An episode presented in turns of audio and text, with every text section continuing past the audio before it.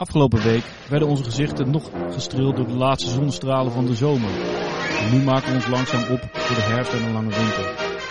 Gelukkig heb ik ook weer mogen ervaren hoe je film mee kan nemen in een andere wereld op een groot scherm. Gehuld in muziek, geluid en visuele prikkels. Ook werd me weer eens duidelijk hoe breed het spectrum kan zijn en dat er voor elk gevoel, smaak en, en emotie een film beschikbaar is. Vaak willen we mensen vergelijken en een mening geven over iemands keuze. Maar dan, is het goed, maar dan is het goed om je te beseffen dat iets wat jij niet mooi vindt, iemands anders plezier of troost kan bieden.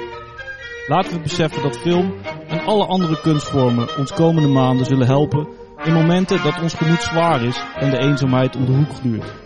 We ronden seizoen 1 af, vandaag, na, zes, na acht mooie gesprekken. En ik weet niet hoe we de wereld aantreffen als we ergens in de wereld weer van start gaan. Met seizoen 2. Maar wat ik wel weet, zolang de fanfare blijft spelen, zullen wij niet ten onder gaan. Welkom bij de Cutcast. Ja, Hein, daar zitten we dan. Uh... Zeker. Uh, Julius Ponte. Hein van Jolen. Hein van Jolen, distributeur. We hebben uh, nou, best een goede afsluitende gast, lijkt mij. Zeker. Uh, wij mogen nu aan tafel zitten met de oprichter in dit kader van de allereerst Nederlands Filmdagen, later geworden tot het Nederlands Filmfestival waar we nu zitten, waar we te gast zijn. Jos Stelling. Q applaus. Dank u wel. Fijn dat je er bent, Jos. Kom je uit Utrecht? Uh, nee, oorspronkelijk kom ik uit uh, Arnhem. toch een licht Utrechts accent. Ja, ik doe mijn best, maar ik woon hier nu bij. Ja, ik woon hier meer, meer dan de helft van mijn leven woon ik in Utrecht. Maar ik, ik heb wel. Ja. ja. ja. dan raak je het niet meer kwijt. Ja. Sorry, Hein. Je komt uit Utrecht, uh, Jos? Helemaal. Helemaal 100 procent? Ja. ja. Vader, moeder? Nee. Mijn moeder wel, mijn vader komt uit Harmelen. Nou Ligt niet heel ver hier vandaan, toch? Nee. Oké. Okay. Ja? Iets meer in de microfoon? Iets meer in de microfoon wil okay. praten, Jos. Kom maar hoor. Ja, zo. Uh, nou ja, laten we daar eens beginnen. Utrecht. Utrecht, ja. Mijn vader was uh, banketbakker. Wil je weten? Ja, ik dacht we gaan uh, kort eventjes... Hij was Nederlands kampioen suikertrekken. Trouwens ook een interessant onderwerp. Wat is dat? Klinkt leuker dan Wat is, wat is... Suikertrekken, dan, maak je, dan smelt je suiker, dan doe je daar kleurstoffen in. Ja. Met een label. Als dat half gesmolten is, kan je daar blaadjes van maken. En zo maak je een hele bloementros met rozen en allemaal van suiker. En daar waren wedstrijden in. Dus hij was heel artistiek. Hij, was, en hij verkocht dat ook dan? Of uh, kon je nee, dat dan? De etalage. Hij was ook geen bakker, hij was patissier. En waar zat zijn winkel? In de Adriaan van de Stadelaan. Dat is het Wilhelminapark. Ja. En daar ben je ook opgegroeid? In die... Ja, maar zei dat ik wel tien jaar, acht jaar, acht à tien jaar op een Rooms-Katholiek uh, internaat heb gezeten. Niet misbruikt trouwens. En hoeveel, hoeveel broers en zussen had je in die tijd? Want Rooms-Katholiek dan. Want ik neem aan, mijn vader, mijn, mijn, vader is ook... de enige die misbruikt was. En, en dat gaf mij grote problemen. Maar, maar, hoeveel broers en zussen had je? Negen. Inclusief mezelf. Acht dus. En, de, en, en hoe, hoeveel, hoeveelste... hoeveelste de jongste. De jongste? Ja. De Benjamin. Er zijn er nog drie over van de negen. En je bent, jij bent van 45? Klopt. En dan dus, wanneer, is je oudste, wanneer was je oudste broer of zus geboren? Ja, maar dat weet ik Ja, dat weet ik niet. Dat is echt uh, eind jaren 20. Ja, in de jaren 20 vorige eeuw. Mijn ouders kwamen uit 1900. Dus ja, na 20 jaar, 25 jaar. Maar mijn moeder kwam ja. uit een heel artistiek milieu. Mijn moeder kwam, mijn, de vader van mijn moeder was uh, eerste violist van het Utrecht Stedelijk Orkest, later van het Residentieorkest, meen ik. Al die namen van die orkesten weet ik niet meer.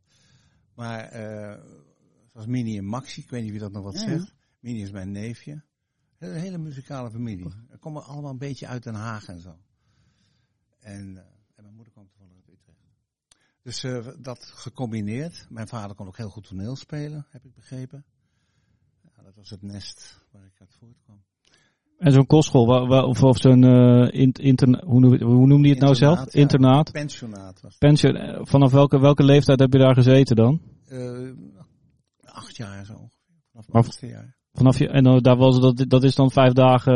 een stukje lagere school, een stukje middelbare school. En dan ben, hoe vaak kom je dan nog thuis? Dat was ernstig, ja. Dat was, dat was eens in de drie maanden. Zelfs toen ik in Zeist op kostschool zat. En, en, en wat was dat? Was dat mijn ouders zijn ook op. Mijn vader is in 43 geboren. Uh, hij zat wel uh, ook in Utrecht. Hij woonde altijd op de Oude Gracht. Boven de, boven de Manfield daar bij de. Ja, Utrecht. Ja, Utrecht. Maar die is naar Arnhem naar Arnhem verhuisd in de jaren 70. begin jaren 70. Uh, zij wel rooms-katholiek. Zijn vader was, uh, was organist en een schoolkoor, voor hoe heet het, de kerkkoor dirigent in de Willy Borderskerk. Um, maar hij zat wel op school. Maar was dat, was dat voor al jouw broers en zussen, was dat gebruikelijk? Een katholieke traditie, dat vooral als je vader een, een, een, zaak had, een winkel had, een bedrijf had, dan gingen de kinderen allemaal naar kostschool. Mijn vader was ook, had ook op kostschool gezeten. Ja. Zelfs op het seminarie. Die nog bijna, maar die moest, daar ging hij voor straf naartoe. Voor zijn vader was, uh, ja, hij had verkering met mijn moeder, die uh, dienst, en dienst, een van diens ouders, mijn grootouders, was niet katholiek. Ja. En dan was dat al voldoende om te verbieden, om een huwelijk te verbieden. Ja. Twee geloven op één kussen. Hè. Ja, dat is. Dus mijn, mijn, uh, mijn vader, ja, nee, het was volstrekt normaal. Maar het is wel, uh, ik ben wel heel lang op kostschool gebleven en het was ook niet zo, het was toch niet zo leuk als dat ik dacht. Ik ben ook, ik heb dat allemaal verdrongen. Ik heb het gewoon genomen zoals het was, maar het was toch wel een beetje een, uh, een eenzame toestand. Heb ik me later gerealiseerd. Komt ook door mijn vrouw die psychotherapeut is. Ja. En uh, die heeft me dat allemaal duidelijk gemaakt dat ik geen makkelijke jeugd had. En, en... Dacht ik van shit. En heb je, dan, heb, je dan nog wel, heb je dan nog in je latere leven contact gehad met mensen die je daar hebt leren kennen op de kostschool? Gewoon mede, nee, mede nee, nee, nee, helemaal niet. Nee, ook geen reunie of niks. Maar wat wel een kostschool, wat, uh, daar, daar zat wel mijn filmliefde. Ja. We hadden een frater, frater Victor.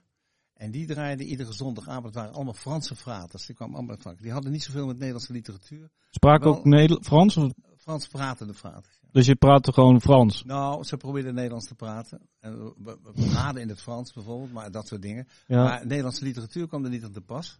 Maar wel des te meer film. Dus iedere zondagavond werd er een film vertoond. Dat waren die oude Italiaanse klassiekers. De, de hoe heet het ook weer? De, ja, de, de, de Sica en al die, die, die Rossellini's. En, Ja. Even de naam even kwijt. Maar goed. Ja. Uh, en dat waren hele bijzondere films. Want daar in die films werd ook, uh, werd ook gebruik gemaakt van niet-acteurs. Dus er werd, de camera begon zich te ontwikkelen. Het was een nieuw soort film. Als reactie op alles wat uit Hollywood kwam. En daar was ik erg door geraakt. Dus dat je geen filmsterren nodig had om films te kunnen maken. Dat vond ik wel heel bijzonder. Nou, en dat legde Frater Victor allemaal aan mij uit. En ik mocht films draaien en ik, ik hielp hem. Ik tekende affiches en uh, allemaal dat soort dingen. Dus het was voor mij, uh, die film, dat was daar. Maar ook andere dingen. Bijvoorbeeld, ik had, als ik thuis kwam, dan ging ik altijd, uh, met mijn vriendjes speelde ik op een, een speeltuin bij de Oudwijker Dwarsstraat. En daar vond ik op een gegeven moment een blik met film. 35 mm. Maar Ja. het was nat geworden. En uh, dan kon je niet zien wat het was. Dus dat was één groot blok celluloid. Dat zat in een ijzeren blik. En iedereen wilde weten, want ik liep met de hele dag met dat blik onder mijn arm.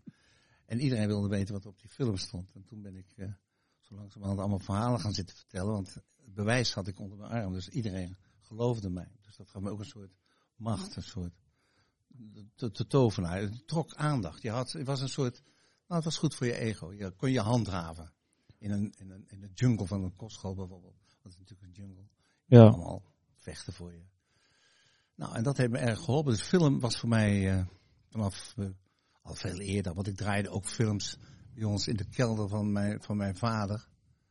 Draaiden, hadden zo'n 8 mm projectortje. En dan draaiden we eerst, eerst met de hand. En mijn broer nog een ventilatormotortje eraf vastgemaakt. Had ik één filmpje. Dat, heet, uh, dat ging over het slachten van varkens. En dan nodigde ik allemaal kinderen uit de buurt. En die gingen dan naar. Er was nog geen televisie of nauwelijks televisie. Die gingen dan naar dat filmpje kijken. En dat filmpje dat... Dat, nou ja, die varkens werden dan uit de wei gehaald en in een vrachtwagen gestopt, geslacht en opgehangen. En het was niet zo leuk voor die kinderen. Maar dan draaide ik dat weer terug en dan liep het allemaal weer goed af. was dat het varken weer, was het varken weer vrij bij in, weliswaar achterwaarts, maar dat was wel... Ja, een, uh, maakt ook niet uit. Nou, en zo later weer een filmpje over het vangen van haaien. En allemaal verschrikkelijke filmpjes. Maar ja, ik vond het wel leuk, want dan kon je indruk mee maken. En die kinderen... Dat is ook een beetje verhaal. van ieder dubbeltje van die dubbeltjes kocht ik dan weer een filmpje. Ja, dat zit dat, dat, dat is de magie van de film. Het is je eigen godje spelen. En wat, en, want je bent uh, autodidact, zoals mensen dat, dat noemen. Ik bedoel, ik vind dat... Uh, volgens mij ben ik dat zelf ook. Ik heb ook, nooit, op, ik heb ook nooit op een filmschool gezeten. Ik ben ook gewoon films gaan maken. Ik ook helemaal geen filmacademie. Nee. Dus eigenlijk is iedereen van mijn leeftijd autodidact. Dus dan kan ik ik was wel met Wim Verstappen en al die mensen was ik erg goed bevriend. Die dan de filmacademie hebben opgericht. Ik kende ook iedereen, maar ik heb nooit een filmacademie gezeten. En dat is ook onzin. Filmacademie is leuk voor je netwerk, maar eh, je moet gewoon een goed boekje kopen. Als je wilt film maken, moet je een goed boekje kopen over de geschiedenis van de film. Hoe alles is ontdekt, hoe alles is, heeft zich ontwikkeld. Als je dat goed volgt, dan leer je het. En dan, zo werkt het ook. En uh, want hoe heb je, we, we hebben met uh, een paar afleveringen geleden hadden wij een uh, Asje Medina, een scenarist. Die pas op latere leeftijd naar de, wel naar de filmacademie is gegaan uiteindelijk. Uh, en die had, een, die had voor zichzelf een methode dat hij op zondag films ging kijken en dan de scripts ging lezen en dan kijken hoe ze dat gedaan hebben. Vijf is minuten film kijken, vijf minuten script lezen, zeg maar. En dan zo, zo heeft hij zichzelf onder een beetje leren nadenken over scenario's. Kan jij bij jezelf zo'n zo zo'n fase herinneren dat je, dat je bezig bent geweest met, met op die manier echt het onder controle krijgen van, van het vak? Nou, dat kwam wel door die frater Victor die ik noemde. Ja. En die had wel een soort basiskennis. Die had een boekje geschreven, dat heette Jonge Cineasten. En hij ging heel erg uit, ook dankzij die Italiaanse films, zonder acteurs. Hij ging heel erg uit van de kracht van de camera. Dus de camera vertelde. En als ik een mooi voorbeeld, als dan de beroemdste actrice van Nederland op een stoel zit. En die, een van de poten van de stoel is half doorgebroken. En je laat met de camera zien dat dat het geval is. Dan kan die actrice spelen wat ze wil. Maar de mensen zijn met die stoel bezig. Met andere woorden, je realiseerde je dat die stoel op een gegeven moment belangrijker was als die actrice. Dus het gaat altijd over context. Het gaat altijd over verbanden. En een acteur, een goede filmacteur, weet dat. Die speelt dus tegen die stoel in die weet dat. En die doet niet moeilijk, die, doet, die begrijpt dat. En dat zijn de beste acteurs, zijn ook altijd de acteurs die, die, uh, die de meeste ervaring hebben. En voor de rest stelt het filmacteren niet zoveel voor, omdat het zo werkt. Mm -hmm. zijn afhankelijk van een crew. Ik, ik, zie een acteur ook altijd als een onderdeel van een crew. Robert Mitchum heeft ooit gezegd, uh, ik heb twee rollen in mijn leven gespeeld. Eentje met een paard en eentje zonder paard. maar goed, sorry. Maar, je, maar, een beetje af. Je moet nee, bij, nee, nee, de, bij de onderwerp houden. Daarom uh, alle kanten willen we je erbij hebben. Ja. Maar, maar je bent, uh, um, dus je, je, je bent uh, 16, je, bent, uh, je hebt een veelblik onder je arm, je loopt naar Utrecht, je bent de, de, man dan dus, blijkbaar. Ja. Nou, en en, ja. en hoe, hoe ben je dan naar je, naar, je, naar, je, naar, je, naar je langere werk gegaan, zeg maar? Waar, waar hoe heb je dat? Ik heb eerst acht, zes films gemaakt op 8 mm. Ja. ja, 8 mm. Zelf camera en volgen. Dus als iemand het niet, niet kon spelen, dat was niet interessant, want dan vertelde ik dat op een andere manier. En aldoende kwam ik er ook langzaam maar zeker achter dat het altijd om de interactie ging. Het ging altijd om de context, wat ik al zei. Dus een camera neerzetten en een acteur wat dingen laten doen, vooral met tekst. Ja, daar moet je een acteur voor hebben. Maar als je nou die tekst een beetje weglaat en je vertelt het op een andere manier, op een visuelere manier, en je lost die dingen op, dan, dan wordt het veel sterker. En dan wordt het langzaam maar zeker, dat, dat is mij althans verteld, dat het, dan wordt het dan opeens een cinema. En dat is heel simpel. Als bijvoorbeeld, ik heb wel, ik gebruik het wel eens als voorbeeld, dan loopt een, uh, zelf ontdekt, hè? Dat, soort dingen. En ook de theorieën, door allerlei interviews moet ik het altijd maar verwoorden. En dan nou, dan geef je een voorbeeld, het voorbeeld van de kip die over straat loopt. Of een eend, zonder broek, Donald Duck zeg maar. Mhm. Die loopt over straat, er is niks aan de hand. Totdat ik laat zien dat er om de hoek een andere eend staat met een mes. En dan, zeg maar, dan wordt die kip opeens heel interessant. En dan is het op een gegeven moment context. En dan, uh, en dan zeggen ze, wat een goede acteur. Dan, het wel volstrekte onzin is. Want die loopt of er nou een andere of niet. Hij, hij, loopt daar gewoon. En die andere die staat te wachten met het mes. Dus, en een filmmaker, die voelt die ruimte tussen die twee en die buit dat uit. Paul Verhoeven heeft dat er niet zo lang geleden ook gezegd. Als je eenmaal zo'n spanningsveld hebt, koesteren, uittrekken. Dan steekt die man, of die, die of die eend, die laat je even oversteken. En dan, en dan draait hij zich om. Dus net op voor die hoek heeft hij toch zin om ergens anders heen te lopen. Allemaal dat soort spelerij. Ja, en dat is cinema. Dat is, de, dat is het spanningsveld tussen, tussen die twee acteurs. En daar moet je dan, daar, dat is de cinema. En daarom is het ook belangrijk, uh, en dat, dat verwijst weer ook naar Hitchcock, dat je dat, en zo werkt film ook voornamelijk met archetypes. Dus niet met karakters, of met uh, archetypes of, of uh, metaforen. Of een vader mm -hmm. is een vader. Lees de krant een pijp op. Een moeder is een moeder, staat in de keuken. Ik mag dit allemaal niet zeggen, maar in film werk je met dat soort ingrediënten. Want als je moet, Hitchcock zei wel eens, als er komt een vrouw binnen die gaat zitten, en op het moment dat ze gaat zitten en de benen over elkaar slaat, weet ik wat voor vrouw dat is. Dat zie ik aan de haar, dat zie ik aan de mantelpakje, dat zie ik, dat zie ik aan alles. Als ik in de film nog moet gaan uitleggen waar ze vandaan komt en wat ze wil, ja, dan schiet het niet op. Mm -hmm. Dus ik moet daar gelijk hebben als metafoor, als archetype. En dan gaat de film beginnen, want het gaat om die spanningsvelden. De andere dingen, zoals uh, wat iemand denkt of zo. In films denkt niemand. Dat moet je het allemaal laten zien dat vind ik dus boeiend. En daar ben ik met die camera, die, die zit daartussen. En die registreert. En daarom is een camera voor mij zeg maar, de pen waarmee je schrijft. En deed je de, de, dat, die eerste films draaide je zelf of, of deed je dat al met meerdere mensen? Of was je... Ja. ja. Ik had zelfs een beugel gemaakt met mijn camera erop, dat ik mijn handen vrij had. Maar ja, was maar primitief. Eerst 8 mm, toen 16 mm. Ja, en zo verder. En hoe, hoe monteerde je die, die films? Want ik bedoel, kijk, tegenwoordig kan iedereen... Iedereen kan thuis gewoon uh, op iMovie bij wijze van spreken. Iedereen wil dat. Nee, nee, nee, hoe, hoe moeilijk, uh, hoe ingewikkeld was dat voor jezelf? Celluloid. Ja, ma magie. Ja. Dat, als je dat allemaal ontdekt, dan, ja, dat is, dat is bijna niet te beschrijven. Hoe je, als je dus, vooral in de montage, als je twee shotjes omdraait, dat de betekenis totaal omgedraaid wordt. En dat spel met de montage is fantastisch. Dat is ook ik sprak Joost van Ginkel, die net bezig is om zijn film in elkaar te gaan zetten. Hij heeft een film gemaakt in de Caucasus en in Georgië. En is heel enthousiast. En dan komt hij terug en dan ziet hij altijd materiaal. En dan langzamerhand gaat hij dat in elkaar zetten. En sprak ik hem dat hij ook zo euforisch was over dat gevoel. Dat je denkt van, wat is het toch fantastisch dat je opeens een hele andere wereld door zo aan elkaar kan zetten. Dat gaat overal. Kijk, film is ook uh, in zijn puurste vorm, zit je naar iets te kijken. Kijk, laat ik het anders zeggen. Doordat er iemand naar kijkt, ontstaat er een film. Mhm. Als er niemand naar kijkt, is er helemaal geen film. Dus als je, je zit naar een bewegend beeld te kijken, dan wordt er een ander bewegend beeld tegenaan geplakt. En dan ga je gewoon verder, want je, je gelooft, dat geloof is wel belangrijk. Die ruimte tussen die twee plaatsen, die vul jij dus in. Dat is jouw ruimte. Dat is het verband tussen die twee dingen. Dan ben jij. Dus de kwaliteit van het publiek is heel belangrijk. Daarom is in een filmcultuur moet het publiek ook een beetje worden opgevoed. Het moet ook een beetje worden bijgeschaafd. Net in een, in een leescultuur. Dus je moet dat gewoon ontwikkelen. Daar lopen wij in Nederland nog wel wat achter. Maar dan krijg je dus die verbanden. Het beroemde Koleshov-effect. Ik weet niet of je dat wat zegt. Dat nee. Die beroemde Rus, Koleshov. Dat is een wetenschappelijk experiment geweest over een bord soep een, een baby en, daar ben ik het even kwijt weg, som. Gewoon drie close-ups van iets. En die laat hij dan op drie verschillende manieren zien. In een, verkeerde, in een andere volgorde. Ja. En dan, ga je andere verbanden, dat het kind zelfs is gestorven dankzij die soep.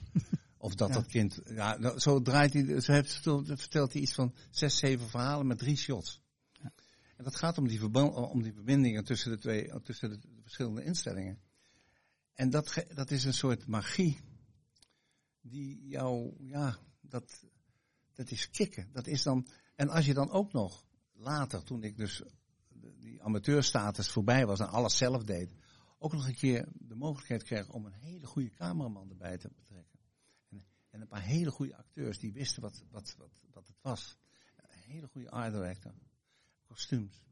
En als je dan die mensen bij elkaar houdt, hetzelfde als dat al die, al die shotjes bij elkaar moet houden, mhm. als je dat groepje bij elkaar houdt en de film is klaar, en je zit te kijken, dan denk je van, hoe is het in godsnaam mogelijk dat we dit gemaakt hebben? Die kick. Vooral op het moment dat de muziek ook nog eens een keer onderkomt. Dat je denkt van, dan gaat het helemaal los van de grond. En dan zeggen de mensen tegen je, heb jij dat gemaakt? En dan zeg je, ja. Maar, dat is natuurlijk niet zo. Dat is, dat is wel, dat, en, maar dat ook iets, het is een fantastische mogelijkheid om meer te doen dan wat je kan. Wat je zelf ooit alleen zou kunnen. Ja. En dat is het allemaal, dat filmgevoel. En heb je in het begin ook andere, andere dingen gedaan dan films? Heb je, maakte je, ja, bestonden waarschijnlijk toen nog helemaal niet. Uh, commerciële videoclips. Video, nee, videoclips bestonden niet. Nee, maar waren er andere dingen waarmee je, want veel regisseurs tegenwoordig die maken natuurlijk videoclips, die maken uh, commercials, die maken reclames.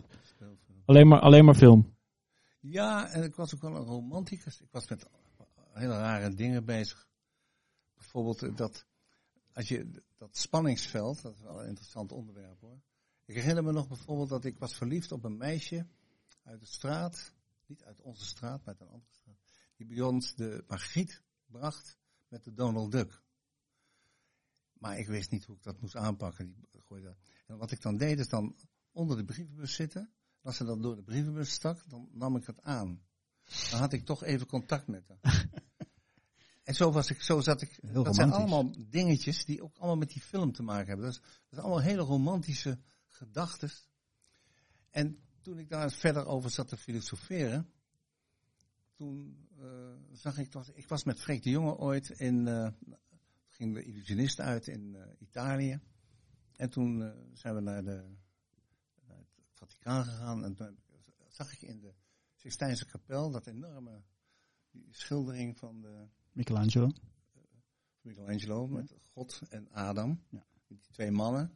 Met de vingers. al die dingen liepen allemaal naar die, met die twee vingers die elkaar raakten. Ja. De schepping. Dat is de, de schepping. En het bijzondere daarvan was dat die vingers elkaar niet raakten. En toen dacht ik nog, als die als die vingers elkaar hadden geraakt, was dat hele ding helemaal niks geweest. Dus die ruimte, die spanning, dat is het. Dat is de ruimte, dat is de, de, de, ruimte van de, van, de, van de kunst, van de poëzie, van alle abstracties, van uh, hopen, uh, geloven, uh, haat, wraak, al die abstracties dat zit in dat stukje. Hetzelfde als de bliksem, of stopcontact, of uh, man en vrouw. Al die tegenstellingen die er in de wereld zijn, die spanningen daartussen, dat is ons terrein. Dat is het filmterrein, dat is het verhalenvertellen terrein. Dat vind ik dus heel erg boeiend. Dus dat, dat, dat ding, dat heb ik ook heel groot in mijn kamer hangen. Dat, die twee vingers, denk ik, altijd die ruimte daartussen, dat is het. Dus als je een verhaal wil gaan vertellen, moet je gewoon twee uitersten hebben. Je moet een je moet een man en een vrouw, daar heb je het al zitten. En hoef je het er verder niet meer uit te leggen. Uh, dat is er al. Of uh, dag en nacht, of uh, heden en verleden. Maar je moet een tegenstelling hebben. En daarin, tussenin, daarin speelt zich in een poëtische context gewoon jouw verhaal. En, of de muziek, of de poëzie, of al die dingen die, die, die, die er zijn om dat zichtbaar te maken. Dat niemandsland. Wel leuk hè? Ja, ik ga ik nou lekker op Ja, nee, zeker. maar ik wilde, ik wilde eigenlijk uh, naar, naar de eerste film toe. Want die is, uh, uh, die is volgens mij niet, die is met, met bloed, zweet en tranen gemaakt. En waarschijnlijk is het voor jou is het een, is het iets wat misschien al, al heel, door heel veel andere ervaringen, ehm, hoe moet je dat zeggen, een beetje weggevaagd is. Maar ik, ik zou toch wel willen vragen van hoe uh, Zo'n eerste film is toch, ik bedoel, als ik naar mijn eigen carrière kijk en ook naar veel mensen om me heen die een eerste film maken, is dat toch een soort van uh, berg die je, die, je, die je over moet. Uh, kun, kun, kun je daar iets over zeggen, over hoe, je dat, hoe, hoe, je, hoe dat idee ontstaan is en hoe je dat, dat vertrouwen hebt gehad om dat, te, om dat te gaan doen en vanuit welke middelen je dat toen deed? Op de eerste plaats. Marieke van Nienwegen hebben we het over. eerste, Marieke van Nienwegen, ja. ja. op de eerste plaats vind ik dat je je moet realiseren, en dat heeft ook weer met die polariteiten te maken, dat de weg, de weg naartoe, het boeiendste is. Mm Als je het hebt, is het afgelopen. Dan is het er. Dat geldt ook of je nou verliefd bent of niet verliefd bent. Als mijn dochter verkering kreeg met iemand die ik niet zag zitten, stuurde ik ze gelijk twee weken op vakantie in Italië. Dan wist ik zeker dat het uit was als ze terugkwam. Want als het een vakantie dat weet, dat weet ze ook, of je dochter? Ja, ja, ondertussen wel. Ondertussen wel. Vroeger, je had namelijk... Vroeger was alleen maar blij nee, maar als je dus, uh, daarom zijn die vakantieliefdes zo gevaarlijk, omdat die het zit in de lucht. Want verliefdheid, dat is iets wat in je hoofd zit, wat alleen maar groter en mooier wordt, omdat je de ander niet ziet. Dus die weg ernaartoe, dat, dat is eigenlijk het leukste wat er is. Dus verliefdheid is ook ontzettend leuk. Mm -hmm. Ziekte, maar goed. Het is, vooral als het uitgaat, dat is natuurlijk heel vervelend. Maar, um, dus die, die weg, ja, ik ben, niet, ik ben niet echt gelovig meer hoor, maar Jezus heeft ook wel eens een keer gezegd, mag dat? Ja, mag jij, je mag iedereen quoten. ik ben de weg. Ja. Het is de weg. Het leven is een soort synoniem van de weg ergens naartoe. En, en dan kan je alleen maar hopen dat je het niet te snel vindt. Want als je het hebt, dan moet je iets anders verzinnen. Daarom geloof ik ook heel sterk in mannen met plannen. Ga niet dood. Dus je moet altijd zorgen dat je plannen hebt.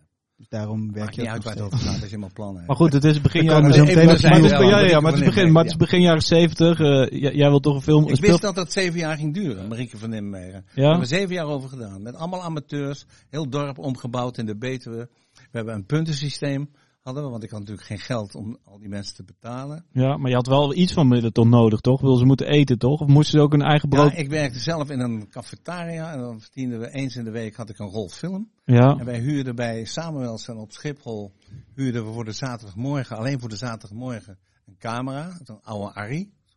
Een geluid met, met een oude oorlogscamera eigenlijk.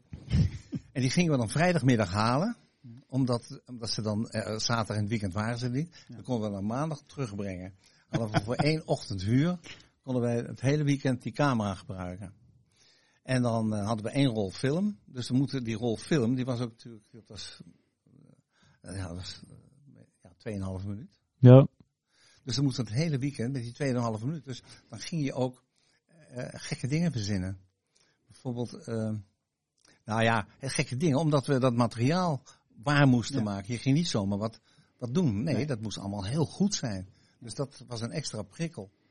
En dus hadden we uh, met honderden mensen gingen we dan naar, naar de Betuwe en uh, dan sliepen we ook. En hadden we, ja, het, was, het was een feest. Het was ontzettend leuk om te doen. We hebben zeven jaar over gedaan. Toen was het klaar. En toen... Maar zeven jaar gedraaid? Of, nee, uh, nee, nee, nee, maar wel verspreid over ja, een aantal jaar. En toen was die klaar. Toen had ik iets van drie, vier uur. En toen herinner ik me nog dat ik wist helemaal niet hoe dat ding dan in de bioscoop moest komen. Dan hadden we in Amsterdam, hadden we, nee, was in Hilversum toen, hadden we een paar van die mensen, Rob Dumé, toenmalige producenten, die gingen naar de, film kijken. Ook een paar theaterexploitanten. Die zaten in een kamer. Ik liep op de gang en dat heeft uh, zo'n drie, vier uur geduurd. En ze zijn daar niet uitgekomen. Ze hebben dus al die uren zitten kijken. En ik zal nooit vergeten toen die deur open ging, toen, toen keken ze mij aan. En ze zeiden niks. Ze, ze wisten niet wat ze moesten zeggen. Het was een soort sprakeloosheid. Niet omdat het allemaal zo goed was, want het was niet gemonteerd. Het waren alleen maar rusjes. Maar wat ze zagen, ja, dat grensde aan het uh, onmogelijke. Ja, ik, het was, ja. Maar waar, maar waar haalde je al die mensen vandaan die, mee, die, meedoen, die meededen dan? Het was de, de, de kunst. We hadden vrouw uit uh, de Meren. Die zat in de raad. En die wil ook meespelen in een film. En toen zei ik, ja, dat is goed. En, uh, maar ja, dat permanentje moest er wel uit. En, dat, uh, en ik vroeg ook altijd standaard bij elke acteur of ze een kunstgebied hadden. Want die moesten er allemaal gegarandeerd sowieso uit. En, ja, en als je dan dat wilde, ja, dan was je geschikt voor de film. En dan was er een vrouw, die vrouw uit de raad, die kwam met een soort maillot bij mij aanzetten. Een hele gore maillot. En die, die rook echt, die stonk. En toen zei, uh, toen zegt ze de ministerie, maar dit ga ik toch niet aantrekken. Dit moet hij zo ruiken, dit kan toch niet. Ja, maar dat hoort wel natuurlijk bij de, de regie vraagt een, een bepaald soort inleving dat je... Ja. En zo lulde ik iedereen om en dan was het... En, ja, en dat was... Uh, ja, dat was gewoon een feest. Het was ook een beetje kinderachtig af en toe. We hadden ook een, op een gegeven moment, hadden we, maar het was zo'n soort jongensclub eigenlijk. Want hoe oud was je toen je eraan begon? Nou, ik tegen 3, 24 zo, in die buurt. Ja. Dat schat ik zo in. Ik heb dat nooit aan elkaar gerelateerd, die leeftijd. Maar we hadden wel die, die vrouw, die, we hadden bijvoorbeeld een prostituee uit Amsterdam gehaald. wij waren gewoon jongens. Ja.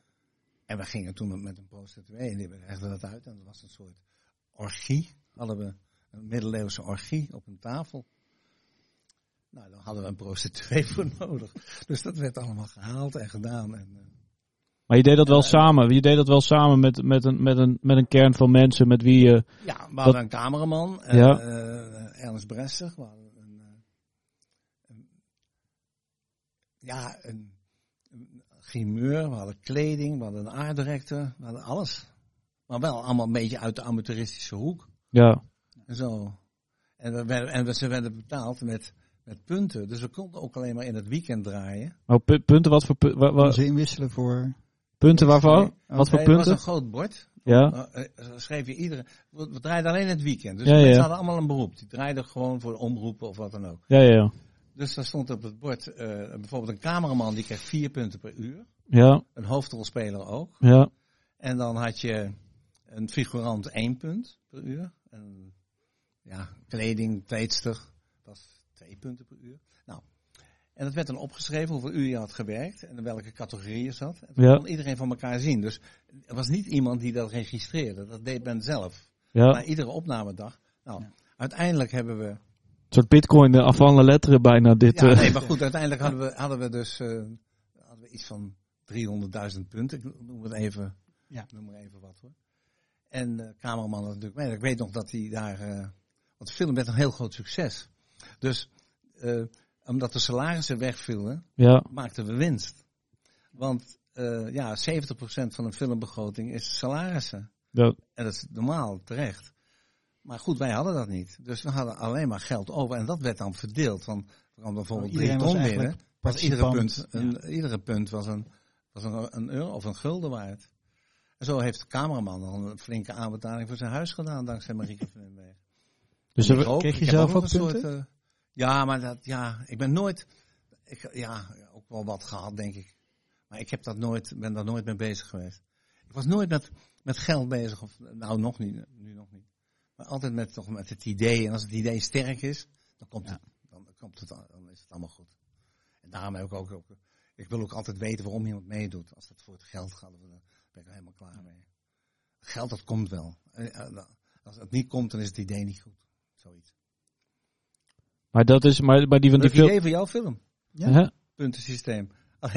Als mensen er echt in geloven, ja. ja. Nee, maar dat kan je niet volhouden, omdat mensen uh, natuurlijk. Ik herinner me nog dat ik uh, met, met, uh, met de illusionist. dat ik Theo van der Zanden vroeg, echt een beroemde grote cameraman. om mee te doen. Met, toen waren we bij ergens op een gracht bij iemand thuis met vrede jongen. En toen vroegen we hem ook of hij de helft van zijn salaris wilde investeren. En de andere helft in punten zou betalen. En toen zegt hij, ik praktiseer niet over. Ik is mijn vak en ik wil gewoon betaald worden, anders doe ik het niet. Oké, nou, klaar. Toen reden we weg. Hij reed in zo'n grote snoek. Zo'n grote, zo'n... Ja? DS, uh, wat is het? Ja. En ik had een eh, heel gammel uh, Renault 4'tje, een R4'tje. En we reden zo achter elkaar weg, Amsterdam uit. En ik kwam thuis en toen belde hij me op. En toen zei hij dat hij het toch deed. En dat kwam alleen maar door dat autootje wat hij zag. dus ik was gewoon meelijden. flessen. dat ik via, via, nee, het was gewoon... Oh zo, ja. Werkte. Dus koop als producent niet een te dure auto. Nee, nee, nee, dat, uh, dat, uh, dat snap ik wel, ja. Maar hij, hij, deed dus, hij deed wel mee met die punten. Dus je, Eigenlijk deed hij de helft, ja. En nu doe je... Ben je de helft betalen en de helft punten. En doe je die punten dan nu nog steeds of niet? Of is het... Nee, dat kan niet. Nee. Ik heb met de Rembrandt film heb ik het nog wel gedaan. Ik heb het wel een paar keer gedaan. Kijk, nu noemen we het deferment, een soort van achtergestelde betaling. Ik, bedoel, ik heb, het, ik heb bij onze eerste film had ik ook een soort verdeling gemaakt. Want we hadden, we hadden geld om alles om dingen te betalen. En we konden mensen een heel klein beetje geven. Zodat we, denk veel, zodat ze de helft van hun huur konden betalen dan hadden we wel een verdeling gemaakt van hoe je dat geld dan zou verdelen als er ooit geld zou komen. En wij zijn helaas nooit in de positie gekomen dat we uh, mensen echt uh, geld konden gaan geven. Um, maar ja, dat, dat was ook een. Maar dat, ja, dat waren geen punten, maar dat was meer een soort ja, deferment zoals met een. Ja, maar dat, soort, je kan niet allemaal dit soort zakelijke trucjes, die werken niet als je idee niet sterk genoeg is. Nee. Dus ik, Ik had ook participatieavonden. Ja. Dan uh, kon je 100 euro kon je een aandeel kopen. Of iets, een participatie. Ja, ja. Die hield ik bij mij thuis. Dan had ik een heel klein bioscoopje weer ingekomen. Of een bioscoopjes. Ja. Een bioscoopje ingericht. En dan uh, nodigde ik mensen uit. En dan... En toen... En toen, uh, dan maar dat is voor de dus eerste film of voor de... Voor Marieke. Ja. En dan, liet ik, dan haalde ik ook geld uit. Dus ik kon, ik kon de hele film niet met dat cafetaria nee, nee, nee. broer uh, betalen natuurlijk. Maar had ik dus uh, een participatieavonden. En toen herinner ik me nog dat ik... nou, dan haalde ik zo'n duizend euro. Of de gulden was dat allemaal natuurlijk. En dan liet ik stil zien uit de film. Dat we al gedraaid hebben. En met Camino Burana eronder. En dat soort dingen. En en toen herinner ik me nog dat er een avond was. En die, er kwam er een man binnen. En die zegt tegen me, hoeveel heb je nog nodig? Toen zeg ik, uh, ik zeg 40.000, gokken, weet je. Toen zegt hij, dat doe ik. Ik betaal dat. Ik zeg, nou, fantastisch. Dan zeg ik deze avond, nee, zegt hij, je moet wel die avond even doen. Want ik wil het wel even meemaken. Ja. En toen heb ik het uh, gedaan. Maar met het gevoel van, ja, je kan meedoen, maar het hoeft niet. Ja. En dat wekte zoveel wantrouwen, dat ik nog nooit zoveel geld opgehaald heb die avond als toen. dus je moet op een gegeven moment ook niet het slachtoffer gaan zitten uithangen. Je moet ook zelfverzekerd zijn. Je moet erin geloven. Je moet positief denken. Positief zijn. En dan komt het. En uh, ja, en zo is het allemaal gelukt. En de films daarna ook zo op die manier. En het was allemaal, ja, het ging allemaal wel goed. Zo. En Marieke van Nimmer en Kan, dat speelt natuurlijk spreek ook tot de verbeelding. De eerste Nederlandse ja, film in. Ja, gewoon nooit vertoond zoiets. Wat, ja. wat je zag, ja. Maar hoe, heb je die dan, hoe is die daar dan terechtgekomen? Hoe gaat dat? Uh... Nou, dat was toen de film, die werd toen door. Uh, en het is heel kwalijk dat ik die naam dan allemaal weer vergeten ben. Ja. Door, uh, Maakt niet uit, ze waarschijnlijk nou, zelf is gemonteerd door. Ik heb, Rob Dumee heeft die film geadopteerd. Om, hij moest dan zorgen dat die film in de bioscoop kwam. En ik had 2,5 wat 240 minuten materiaal, gebruikbaar materiaal. En hij heeft er toen een film van gemaakt uh, van 90 minuten. En die is toen in de bioscoop gekomen. En, en uh, toen is hij in, in, is hij ook overal verkocht over de hele wereld. En, maar in, uh, bijvoorbeeld in Canada werd er, was hij nog maar 74 minuten. Hij werd overal ontzettend gecensureerd. En ook in Cannes is er volgens mij ook wat gecensureerd. Want er zaten dingen in die waren nog nooit vertoond in de Nederlandse film. Masturberende mannen. Uh, ja, van alles en nog wat. Je kon zo gek niet verzinnen wat zat erin. Want wij, wij, wij, ja, wij waren aan het avontureren. We waren helemaal niet zozeer bezig met, met de cinema. Maar door de bepaalde manier van denken kwam dat er toch een beetje uit bovendrijven. En het, was ook, het is ook niet een film om echt trots op te zijn en zo. Maar niet? Ben je er niet... Nee. Qua film... Nee, er zitten heel veel dingen in. Ik kan er ook niet meer naar kijken. Ook, nee. Maar zou je er een, een, een director's cut van kunnen nee, maken, nee, zeg maar? Nee? Nee. nee. En mijn laatste film is altijd de beste. En alles wat ik dan is ook wel betere, dat, dan doe ik dat bij mijn nieuwe film. Dat is klaar. Nee, dat doe ik niet. Maar je bent nog wel trots op de weg waar we het net over hadden. Tot, toch? Onvergetelijke tijd. Ja. Ja. Onvergetelijke tijd. Ik, zal, ik zal dat nooit vergeten. Ik kan daar uren over vertellen. Ook over, ja, uren. Dat zijn, dat zijn zulke leuke dingen. En, en zo aardig, omdat je mensen bij elkaar, daar heb ik daar ook van geleerd. Mensen bij elkaar brengen, een motor, en dan zorgen dat ze allemaal hetzelfde denken. En hopen dat, dat, dat groepsgevoel, dat is wel heel erg leuk. Als je dat voor elkaar krijgt. En is dat dan aan elke keer weer net zo goed gelukt? Of is het, zijn er, zijn er ik bedoel, op een gegeven moment komen er Nou, waarschijnlijk meer geld en moet je mensen Ja, betalen. Dat is een groot gevaar, dat hoor je vaak. En dan komt er meer geld. Ja. En dan gaat dat soort dingen gaan dan weg. Dan lopen. En dat geldt niet alleen voor film, maar dat geldt ook voor het filmfestival. Dat geldt voor heel veel dingen. ja. Dan gaat de ziel eruit en dan moet je het op een andere manier oplossen. Dan moet je gaan kopen. En, hoe, is te koop, maar ja, wel betalen en dan ja, krijg je dat. Hè. en hoe, is, hoe is jouw ervaring daarmee geweest met die, met die volgende films? Want ik bedoel, je hebt niet alle films met dezelfde... Nou, ik heb wel, ik heb tot, tot de laatste film, tot, toch wel redelijk veel medewerking gehad van het Filmfonds. Eh, ik heb zelf ook nog een tijdje in het Filmfonds gezeten. Vooral in de tijd dat je toen twee fondsen had. Hè, een artistiek fonds en een commercieel fonds. En ik zat in, de, in het bestuur van het artistieke fonds. En ik vond het, heb het altijd heel erg jammer gevonden dat die twee bij elkaar werden. Omdat ik vind dat maar dan gaan we het daarover hebben. Nee, nee, dat hoeft ook niet. Het gaat meer betrekking op jezelf. Van hoe je, hoe je, hoe je, hoe je dan, uh, hoe je die weg van, de, naar dat, nou ja, naar die, die groei hebt doorgemaakt. En ik kan me ook voorstellen dat een, dat een succes in kan is ook een bepaald succes waar je misschien helemaal op dat moment niet mee bezig was. Nee, maar wacht even, we waren heel nuchter. Ja. Wij liepen niet achter ons. Ik zou je vertellen, wij kwamen uit dat oude festivalgebouw, dat in het midden van de Quazet. Ja. En ik herinner me, ik liep met Jean Monroe, met, uh, met, met, mijn mensen. En er waren allemaal beroemde, beroemde Franse acteurs. Er kwamen van die trap af. Met een leger fotografen, met politie. En wij lopen met z'n allen van die trap af. We worden in een auto, een grote limousine gestopt. Wij rijden weg. Om de hoek staat die limousine stil. Moesten wij allemaal weer uitstappen. Want die limousine die draaide een, een ja, die ging de, de volgende weer. Voor de nieuwe gasten werd die gebruikt. En toen denk ik van, shit, zo zit het in elkaar. En zo heb ik mijn leven lang, heb ik dat, heb ik dat gezien, dat het eigenlijk helemaal kut is. Het stelt helemaal niks voor. Maar wat ik wel toen deed, want zo waren wij ook weer. Ja. Wij zeiden toen, stonden we in dat straatje, toen zijn we teruggegaan. Want we wilden nog een keer. ja, natuurlijk. We zijn toen weer naar boven gegaan. Ja, maar ja. dat mocht niet. En, en sterker, er werden ook geen foto's meer gemaakt. Ook al zagen ze dat jij het was. en je telt, het ging alleen maar om dat moment. Een soort religieuze beweging was het had nergens wat mee te maken. En zo zat het gewoon in elkaar. Ja. Zo, zat, zo zit eigenlijk alles in elkaar. En als je dat weet, ja, dan. Uh, ik heb daarna, noem maar een festival. Ik ben op alle festivals van de wereld geweest, maar ik heb alleen maar genoten van de plekken waar ik was. Ik heb, een festival liet ik vrij snel links liggen. En dan ging ik de berg in of ging ik.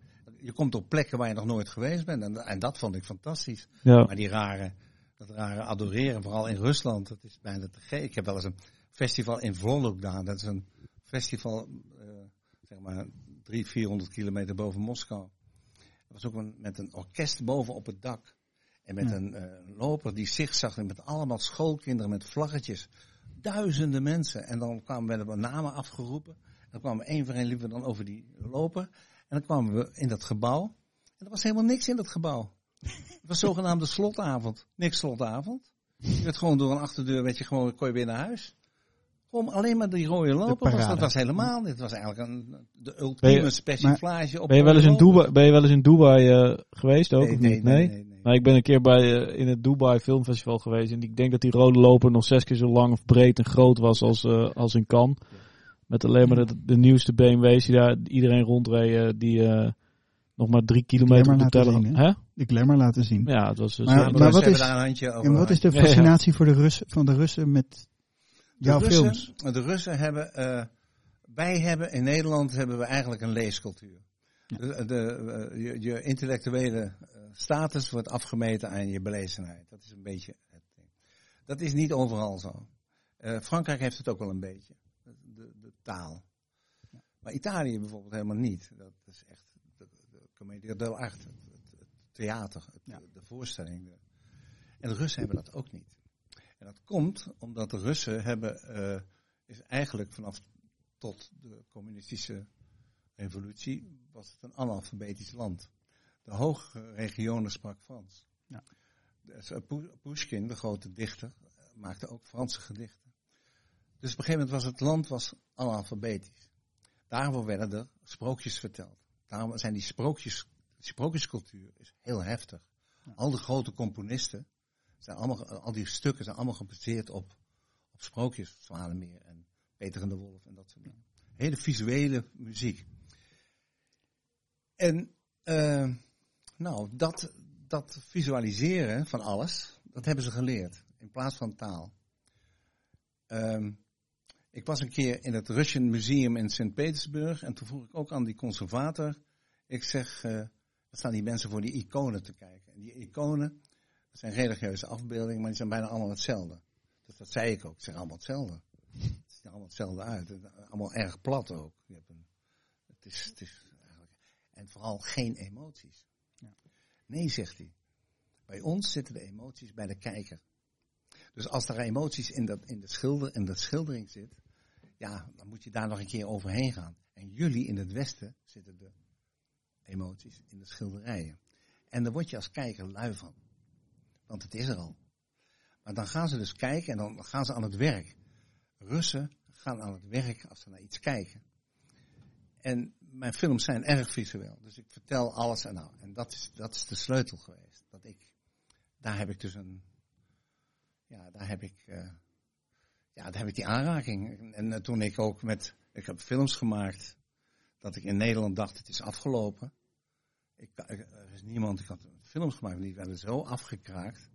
In het nieuwsblad van het Noorden heb ik sensie, denk ik, jezus, hoe is het mogelijk? En ik heb, ik heb fouten gemaakt. Ik, heb daarna, ik zat ernaast. Het, het, is niet begrepen. Het is niet duidelijk. Het is...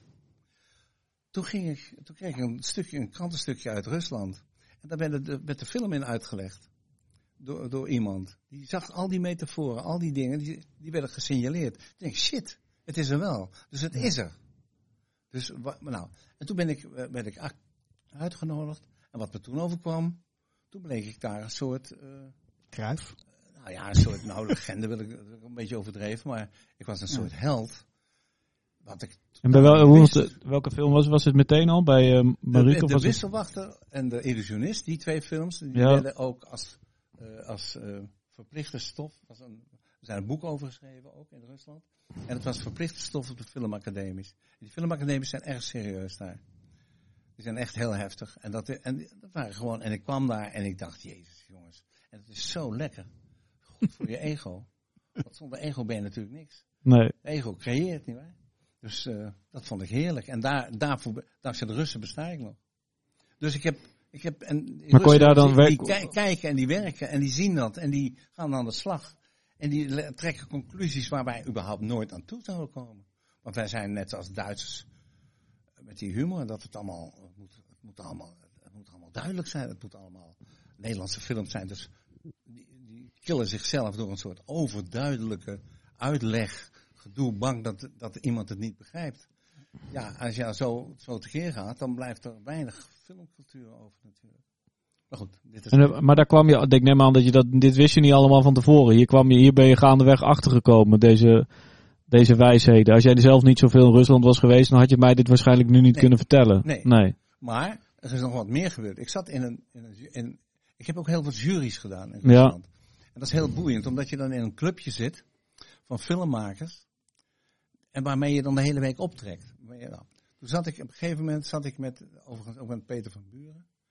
Zat ik in een jury in Moskou, op het Moskous Filmfestival.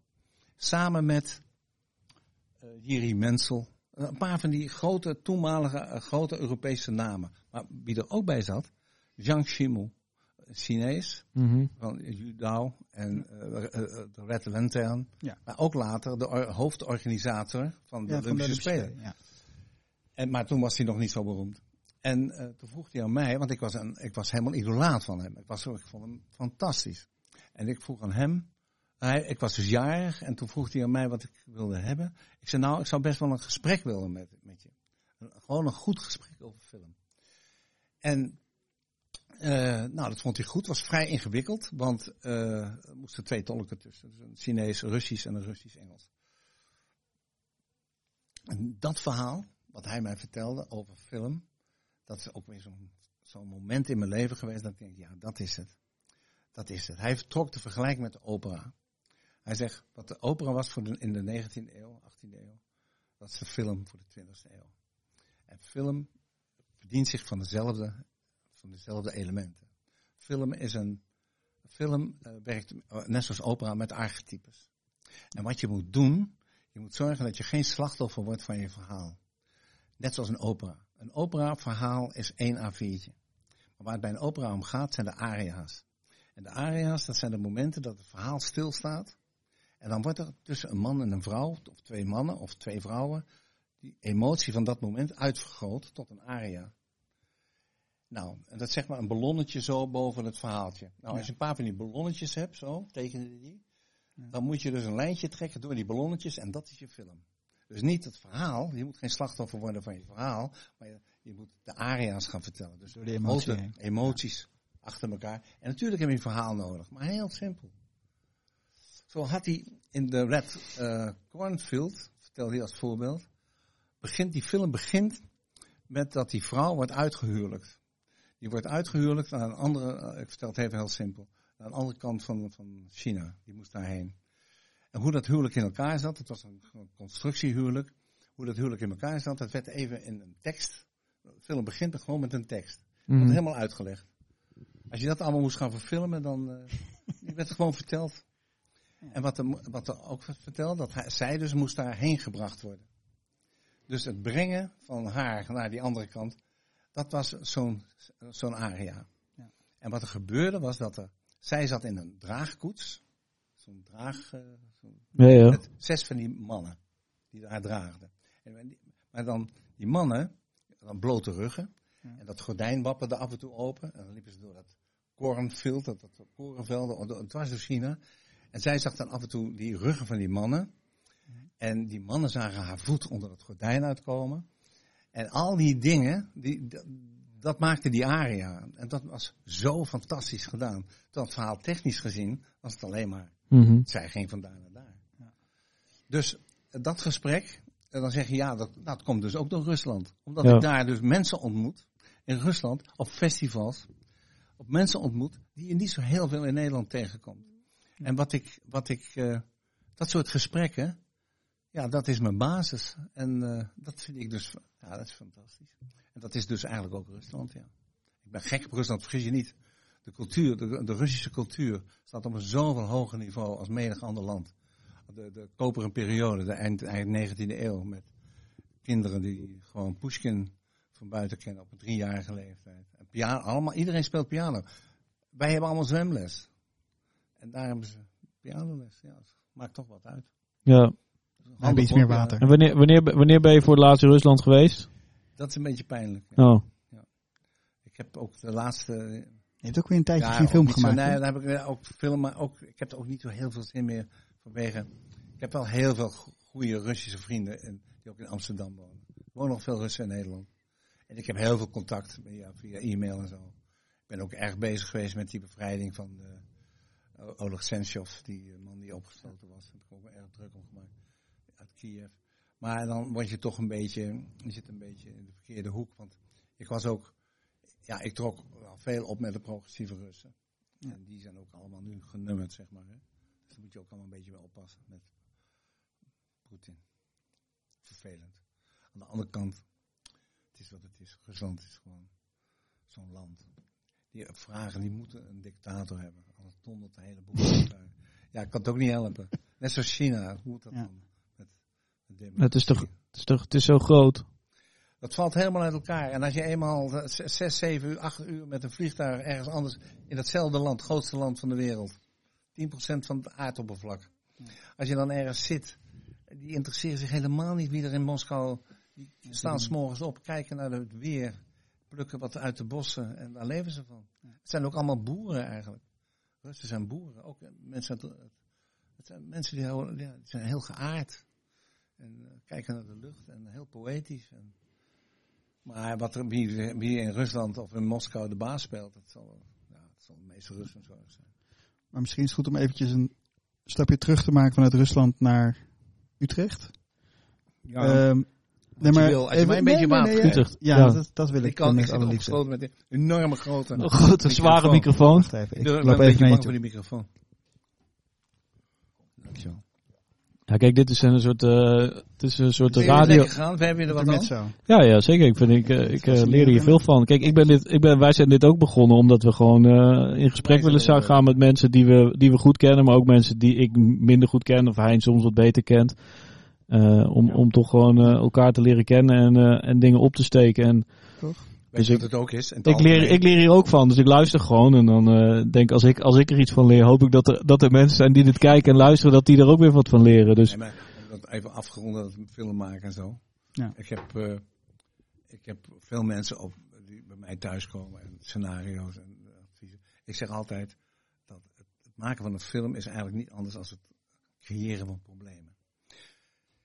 Maar die problemen heb je nodig. Dus je moet die problemen koesteren. Je moet ze niet ontwijken, je moet door het probleem heen. En door het probleem heen, achter het probleem, schijnt de zon. En dan zie je altijd dat het in de simpelheid ligt. Maar dan moet je wel voor werken. En dan moet je bij bezig blijven. En dan, en dan, en dan komt het. Make of your obstacle a stepping stone. Hangt er bij mij in het kantoor. Every cloud has a silver lining. Maar dat is ook wel een beetje jouw aard, als ik je, want ik, ik ken je aardig, denk ik. Ja. Al een tijdje. Uh, uh, jij benadert uh, jouw problemen graag, heb ik het idee. Ik koester ze. Ja. Zonder nee, maar, problemen ben je nergens. Nee, daarom. Dus, maar je, maar je, je handelt er ook lekker uh, op. Vind ik heel fijn. Dat vind ik een hele fijne eigenschap van jou.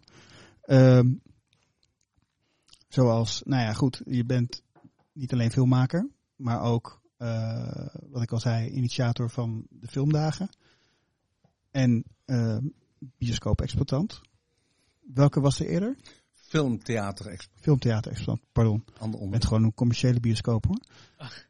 nee, maar uh, wat was er eerder? De filmtheater-exploitant of de nou, toen ik, filmdagen? Uh, was het eigenlijk al filmpjes. Ja, nee, maar...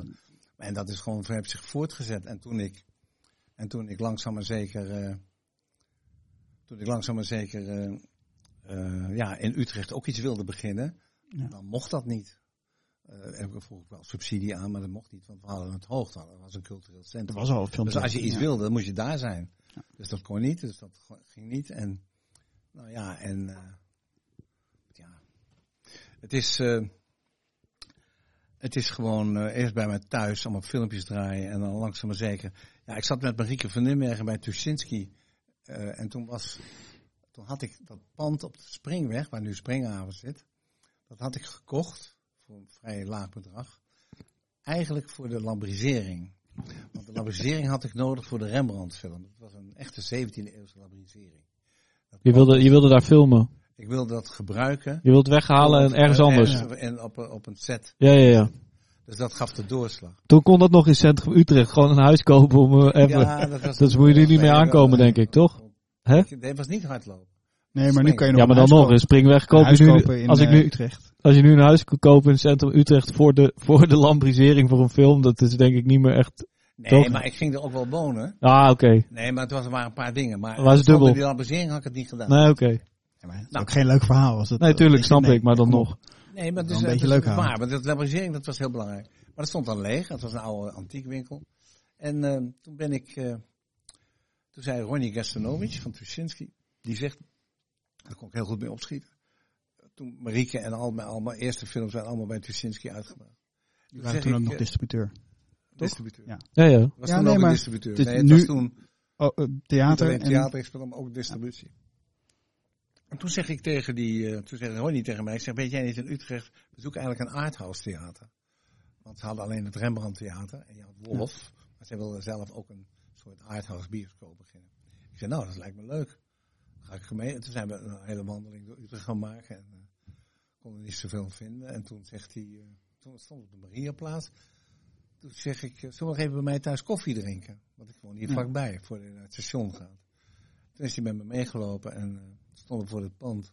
En toen zegt hij, als we nou eens hier doen.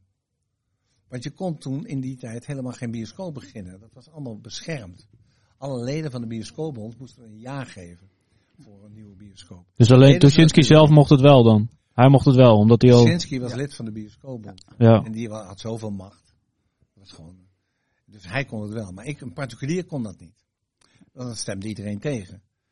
En toen, uh, toen zegt hij, nou, dan gaan we toch hier een bioscoop maken. Toen heeft hij, heeft hij dat betaald. En uh, heeft hij dat helemaal ingericht. En uh, er zat een café naast en nog een kleine ruimte. En, en toen uh, was echt een Tuschinski theater, één zaal. Ja. En uh, Max van Praag programmeerde mijn eerste films. En we waren allemaal, allemaal blij en uh, opgewonden. Met Sylvia Christel en Wim Verstappen hebben het nog geopend. Pas nog een leuke foto gevonden. Nou, en uh, dat was allemaal goed. En toen uh, werd uh, Tuschinski verkocht aan Renk. Ja. En toen belde hij me op. Het is wel handig als we jouw theater eruit halen.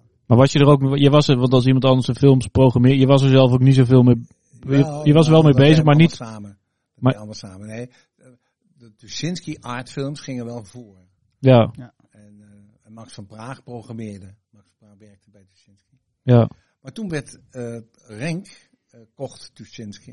Dat was een investeringsmaatschappij, toch? Of zo? Of niet? Renk, Renk Theaters. Nee, oh, dat was ook... grote, oh ja. De man met dat, met die gong. Oh. Beroemde films. Ja, ja, ja. ja. Renk. En uh, die kochten dat. En toen zei Ronnie, misschien is het wel handig als we jouw theatertje er even uithalen. Dan.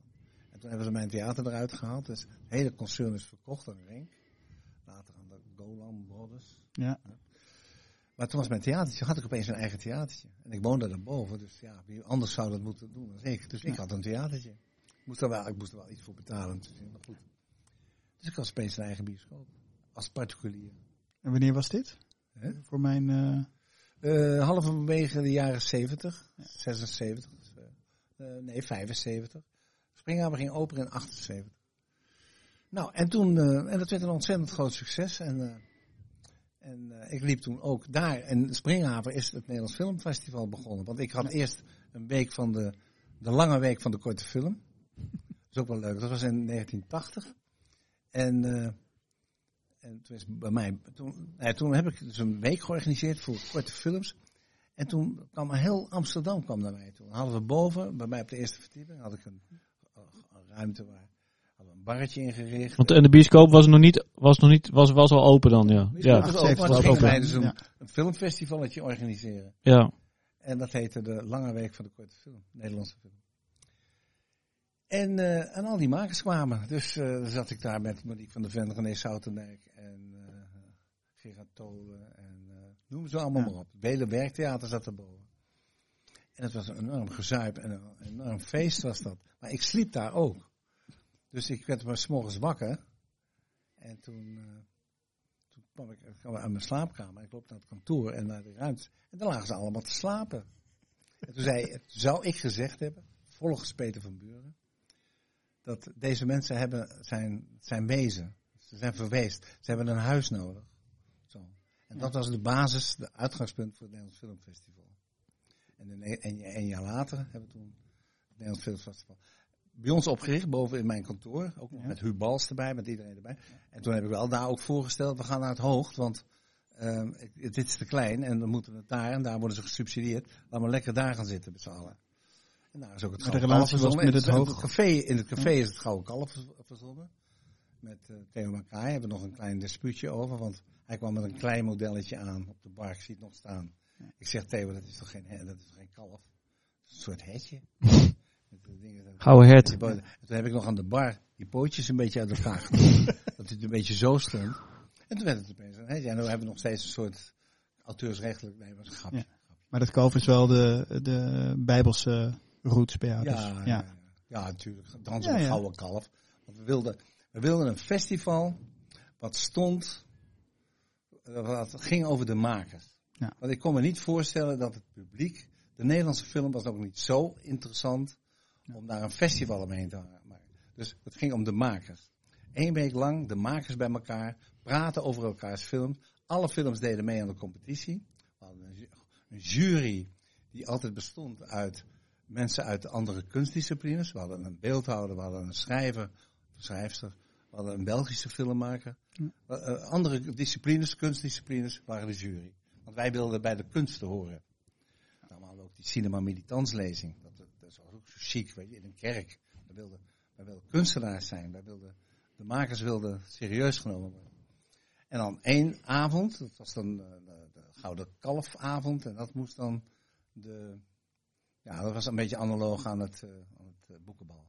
Ja. Dus dat was een beetje een rare avond. En het is erg gelukt, want er waren fantastische avonden waarin alles fout ging. En waar alleen maar gehuild werd van het lachen. Maar wel met grote gasten Sergio Leone, Giulietta Massina, de vrouw van Fellini.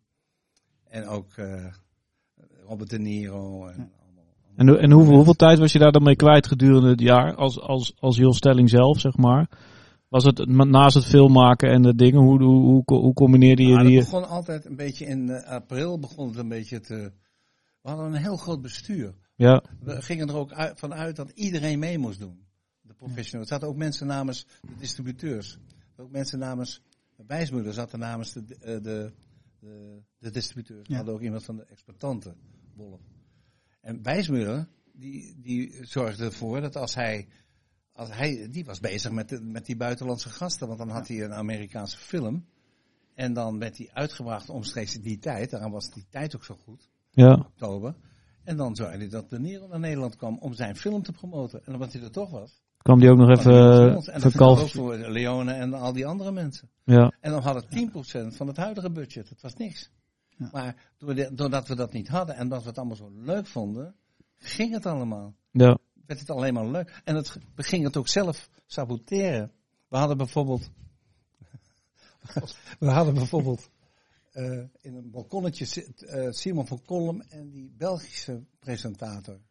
Die deden de Muppet, die twee oude mannetjes na van de Muppet Show. dus die zaten onder die, het prijsuitreiking voortdurend maar wat te roepen naar beneden. Wat heel irritant werd. Maar dat ze waren geïnstrueerd door jou of door nee, jullie? mochten ze zelf oh, dat is gewoon ga je zelf gang, als je ja. iets roept, dan uh, ga je Ze gang. werden wel Maar er was, er, was een groot bestuur, maar het was niet, dat was, jij, was niet de, jij, jij, voel, jij was niet de baas Nee, of ik was zo. voorzitter. Jij was voorzitter. De eerste tien jaar ben ik voorzitter geweest. Ja, Daarna ben ik ermee gestopt. Want ik wilde ook nog wat anders in mijn leven. Maar, maar ik ben ook nog directeur geweest. Nee, wanneer was dat? Dat was, eh 87 in die buurt. Ja. 87. Maar die, die, die twee, die, over die slotavond. De eerste, wat ook een leuke anekdote is. Mensen die dit zien, die zeggen, oh, dat gaat hij weer. Maar ehm, we hadden bij de eerste editie, dat speelde bijna helemaal in het hoogte. ja, De slotavond was in Hoogkaterijnen. Hadden we dus één bos bloemen, want we hadden geen geld. Dus één bos bloemen, die was helemaal verpakt. En die werd dan uitgereikt aan allemaal première films. Maar achter het podium moest die bloemen worden ingeleverd. net als die limousines. Ja. Hè? Zoals de limousines. Ja. Ja. Die moesten worden ingeleverd. En wat nou het leuke was, dat gerucht, dat verspreidde zich. Want af en toe lag die, lag die bosbloemen achter een verwarming. En het was helemaal uitgedroogd. En toen herinner ik me nog bij de slotavond, dat Haik Balian van het meisje met het rode haar, die kreeg ook die bloemen uitgereikt. En die begon het papier eraf te maken. En dat was te geestig voor woorden. Het was een soort b- bos brandnetels dat gewoon over je hand naar beneden viel. En, en, en iedereen wist dat het eraan kwam. Want dat gerucht van die bloemen, dat ging... En wat het leuke was, je kreeg daarmee zoveel goodwill. De sfeer was zo goed. Iedereen deed zomaar mee. Iedereen vond dat, vond dat leuk. En eh, ook dat affiche werd verboden, wat, wat verboden was door het Koninklijk Huis. Omdat ze, dat was een affiche met plaatjes waarin eh, Beatrix langzaam overliep in Marilyn Monroe. Dat mocht niet. Toen hebben we nog een stel eh, laten drukken. En die hebben we op de markt verkocht. die brachten ook 100, 100, gu- eh, 100 gulden per stuk op. Dat soort dingen. Allemaal, ja, van die dingen. Er ging iemand met een, doos met, met eh, eh, de post naar Amsterdam. Die werd persoonlijk rondgebracht op de fiets. Om postzegels uit te sparen. Dus die ging dan met de trein naar Amsterdam. En dan ging hij daar op de fiets. En dat was leuk. Dat, iedereen deed dat. En dat maakte, dat was dat. Ja, en zo kan ik zoveel. Als ik met een paar mensen zit. Want uit, mensen uit die tijd, zoals Sander den Hamer. eh, allemaal mensen uit die tijd. Die waren een, paar jaar later, 15 jaar later, waren ze de, de, de grote mensen in de Nederlandse filmwereld. Mhm. Die hadden alles onder controle. Die, die waren overal leider van, weet ik veel. Bouter Barendrecht. Eh, nou, heel veel. En, en, en, en hoe, want het is natuurlijk nu, eh, nu is het natuurlijk na 40 jaar is het een soort eh, instituut, na, naast een aantal andere instituten in de Nederlandse film. Ehm, waar heel veel mensen natuurlijk ook streven om die filmcultuur eh, ook naar scholen, filmeducatie wordt, wordt, is, is steeds belangrijker. Je hebt het in het begin van het gesprek had je het over, ehm, nou ja, over die Russische filmcultuur. Heb je het idee dat, dat al die energie die, die jij, maar ook andere, heel veel andere mensen in die, in die film stoppen. Ik bedoel, jij hebt een, eh, je, hebt, eh, je maakt films, je hebt een bioscoop, je, hebt een, eh, eh, je bent eh, gewoon alleen maar bezig met film. Heb je het idee dat dat, dat het een bijdrage, dat het, dat het verandert? Dat, het, dat, het, dat, dat de, de jongeren eh, op een andere manier met film. eh, zie, zie je daar een verandering in of niet? Of, denk, Nee. Of is het eigenlijk nog steeds hetzelfde als. Ja, nee, ik Wordt ben, ben er maar een beetje negatief over. Maar Ja. ik, moet niet, ik moet wel zorgen dat ik niet een oude zeur word. Maar ik vind het wel dat op een gegeven moment dat idee van filmmakers bij elkaar en ook laten praten over films die mislukt zijn. Of Ja. films wat er mis is. Wat, gewoon een intern gesprek. Mhm. eh, ook met een beetje met, met, met ruzies en met alles. Hoort er allemaal bij. Dat hadden we ook allemaal. Ja, Maar het was wel opwindend. Alles was opwindend. ja, Ik denk maar aan die film Luger met Theo van Gogh. Met, met die, die kat en die, nou ja, er gebeurden rare dingen. Maar goed, wat er daarna gebeurd is, toen ik ermee uitschreef, was het Jacques van Heiningen. En toen moest het opeens een festival worden. En dat waren filmdagen. Dat had al iets soort ja, ja, ja. Iets anders. symposiumachtig Ja, ja. element. Toen werd het een festival. En toen eh, moest er meer geld in. Want we hadden een aardig budget, maar er moest meer geld in. Ja, En mensen, sponsors wilden alleen maar als het ook echt een festival werd. En hoe krijg je een festival? Rode lopers. Wat, krijg je, wat wordt ook belangrijk?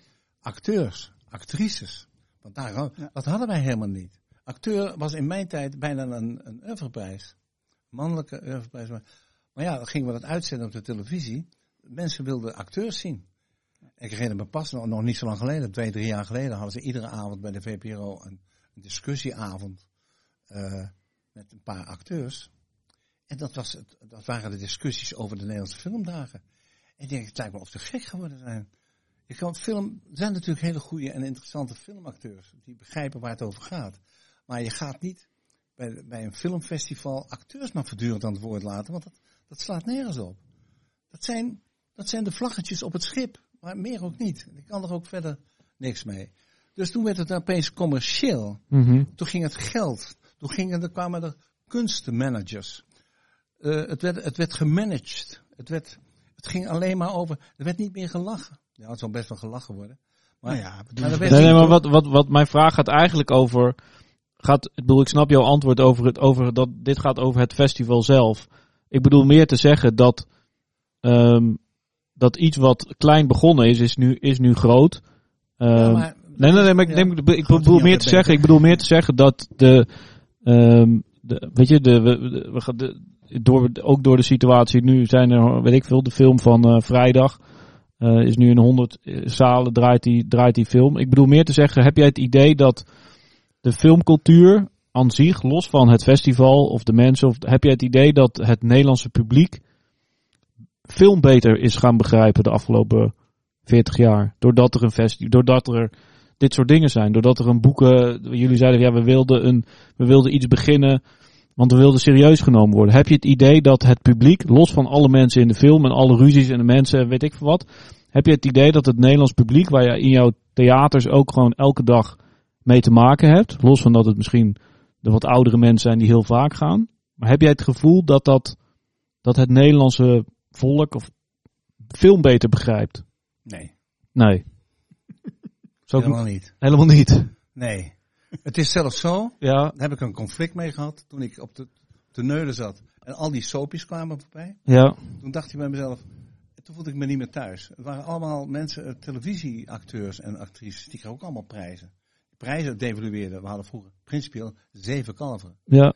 toen werd het op een geloof ik een stuk of twintig. Ja, dat, dat geld, pomp het er maar in. Devaluatie heet dat.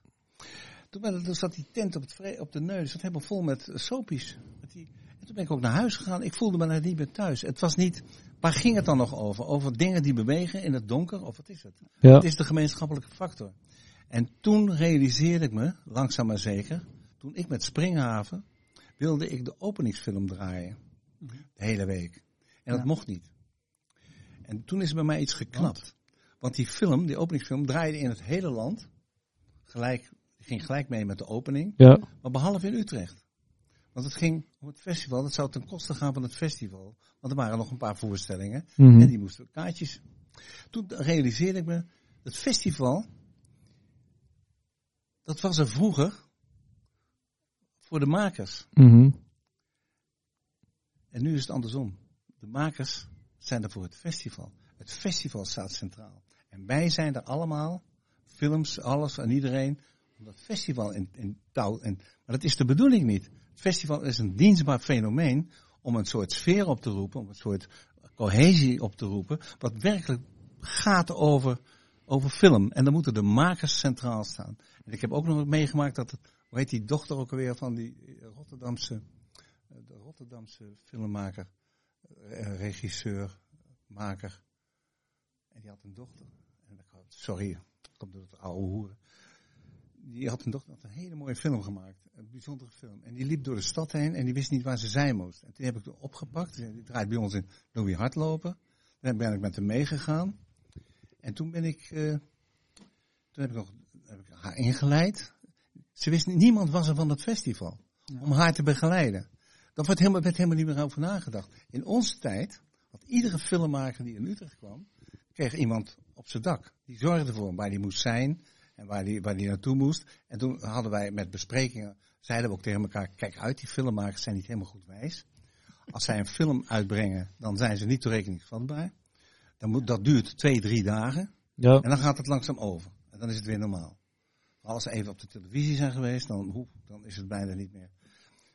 En uh, daar hebben we ook natuurlijk weer heel veel mee gelachen. Maar dat, hadden we, dat was ook, zo kende ik dat op alle, alle festivals. Omdat dan kreeg ik iemand die zorgde voor mij. En dan, uh, nou ja, en dat hadden we toen ook. En dat is weg. Maar wil je er weer om de uh, Jos? Wil je er, zouden we er weer naar terug moeten? Tuurlijk.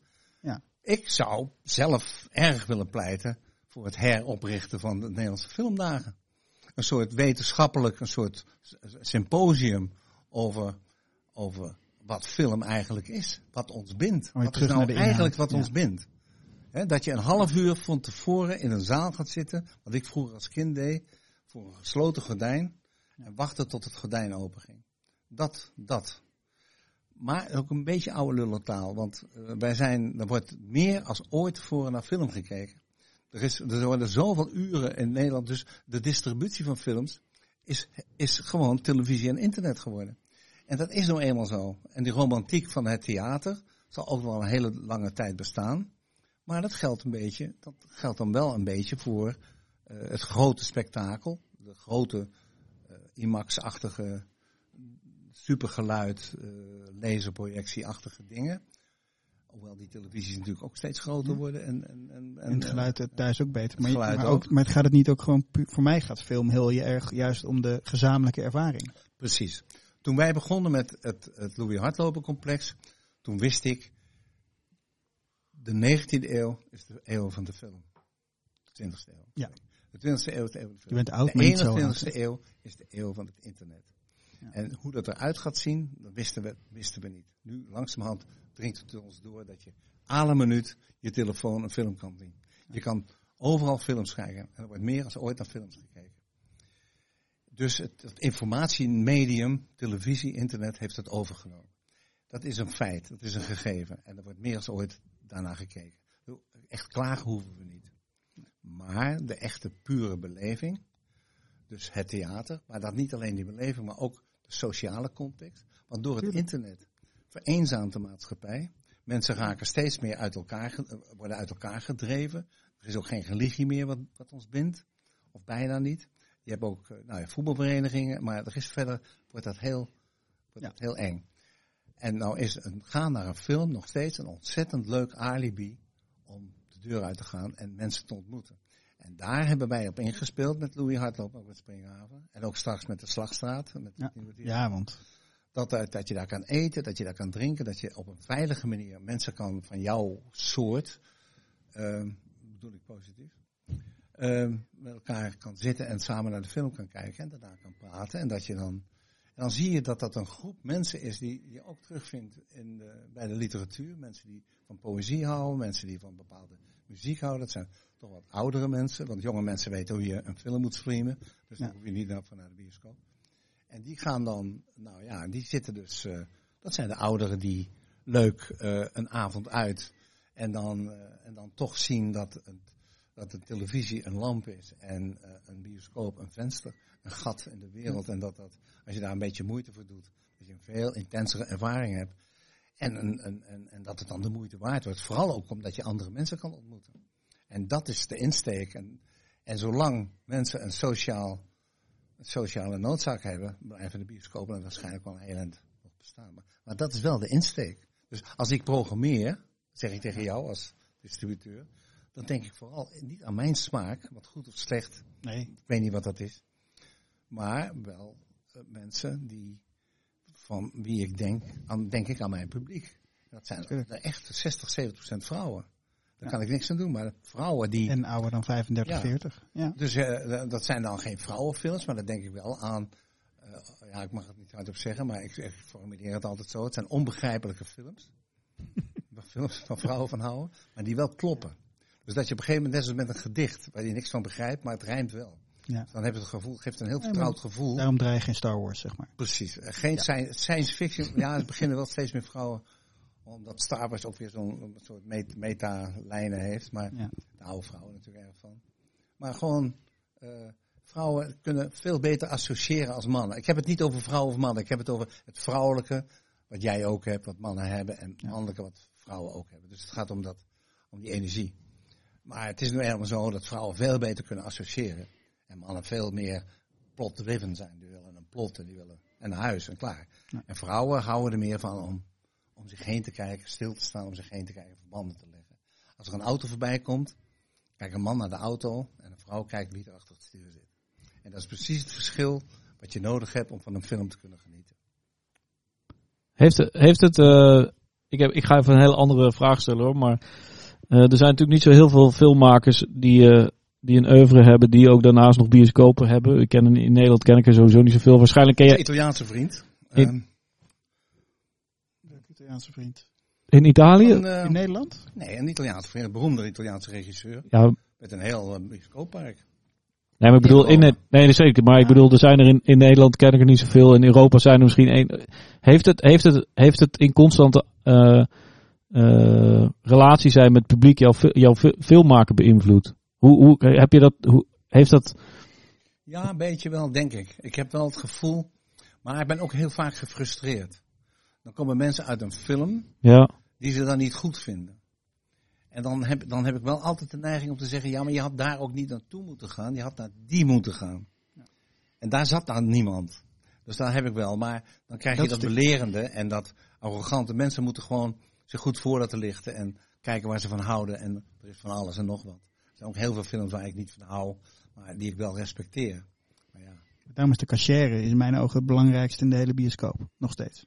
Maar ja, ook bij ons hebben de schrijven ze echt een noodzaak om alle films te zien. Ja. Ja. Moet, maar hij is ook wel weer leuk. Ja. Ik had zo'n boekje uitgegeven. Toen Springhaven 135 jaar bestond, hebben we een boekje uitgegeven. Over, over opmerkingen die klanten maken en onderling. En een heel geestig boekje. Ik zal het je een keer geven. Ja. Uh, jij mag het ook hebben. Ah, fijn, dank je. maar verder niet hoor. Niet, uh, niet, ah, okay. nee, maar niet alle luisteraars, niet, nee.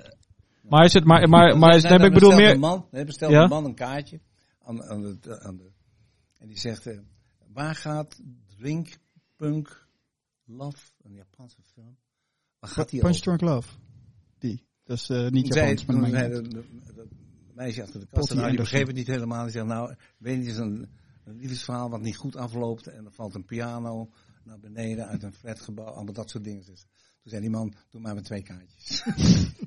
en als je dat dan goed formuleert, is het zo geestig. Ja. ja.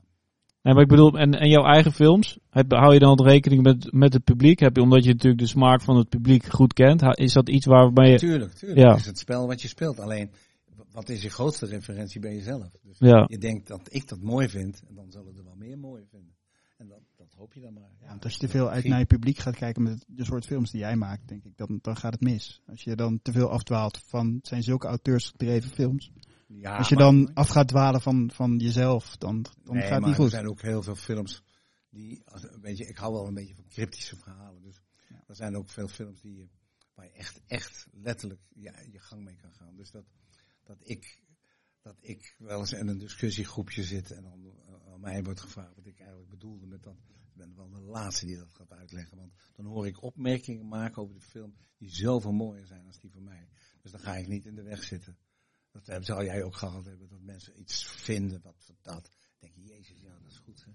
Maar daar niet verder, nooit over nagedacht. Nee, en heb jij, en ben je, want je bent nu bezig met een nieuw, nieuw, nieuw, nieuwe film? Al zes jaar. Zes jaar, en wanneer, en wanneer, is dat een soort cyclus, die zeven jaar, van uh, dat je die... Nee, nee, was maar mij.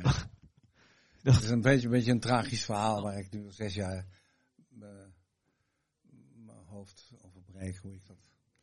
Ik had onmiddellijk Duitsland, ik had onmiddellijk een omroep. Ik, had, maar ik stuitte tegen het filmfonds. Ik heb daar een paar keer aan de deur plat gelopen. En, en toen uh, was ik, was vrij ver gevorderd. En toen werd mij verteld dat ik opeens halverwege, werd mij verteld dat ik een uh, producent moest hebben.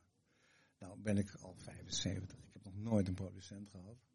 Ik heb zelf een hele goede boekhouder, een registeraccountant, een accountant, die altijd mijn dingen deed is geen producent die het netter deed als hij. Ik heb een hele goede staat van dienst. Toen moest ik opeens een producent hebben. En toen dacht ik, uh, holy shit. Toen moest ik er eentje gaan zoeken. Niemand, al die producenten aan wie ik het vroeg, die begrepen het niet. Hoezo dan? Ja, ik zit nu halverwege. Ja, maar je hebt het toch al? Ik had het van huis gezien. Ja, dat is opeens geregeld daar. toen ben ik, uh, nou, ik wil niet te veel in details treden, maar ik heb wel besloten, ik heb dan natuurlijk dat geld, ik heb wel besloten om daar in dat pand nooit meer één voet te zetten. Ik wil daar niets meer mee te maken hebben. Want ik heb een producent en die regelt het allemaal. Ja. Dus daar heb ik er verder niks mee te maken. Maar toen voelde ik ook weer, dat, dat ruikte ook een beetje naar het filmfestival, dat uh, filmmakers, de echte filmmakers in Nederland, dat daar eigenlijk niet zo heel, eigenlijk feitelijk niet zo heel veel respect voor bestaat. Voor de makers. Men heeft niet in de gaten dat het maken van een film ongelooflijk moeilijk is. Ongelooflijk ingewikkeld. Dat het twee, drie jaar van je leven geeft. En dat niemand iets durft te zeggen over het filmfonds. Want daar, je gaat niet spugen in de hand die je voedt. Dus je, je uh, nou, de Dick Maas zal er ook wel iets over gezegd hebben. Het is een raar fenomeen dat mensen uh, met geld een soort machtspositie creëren. Waarin je als kunstenaar, als maker, naar zit te kijken en denkt van. Ja, dat je dus denkt van, hoe is het in godsnaam mogelijk?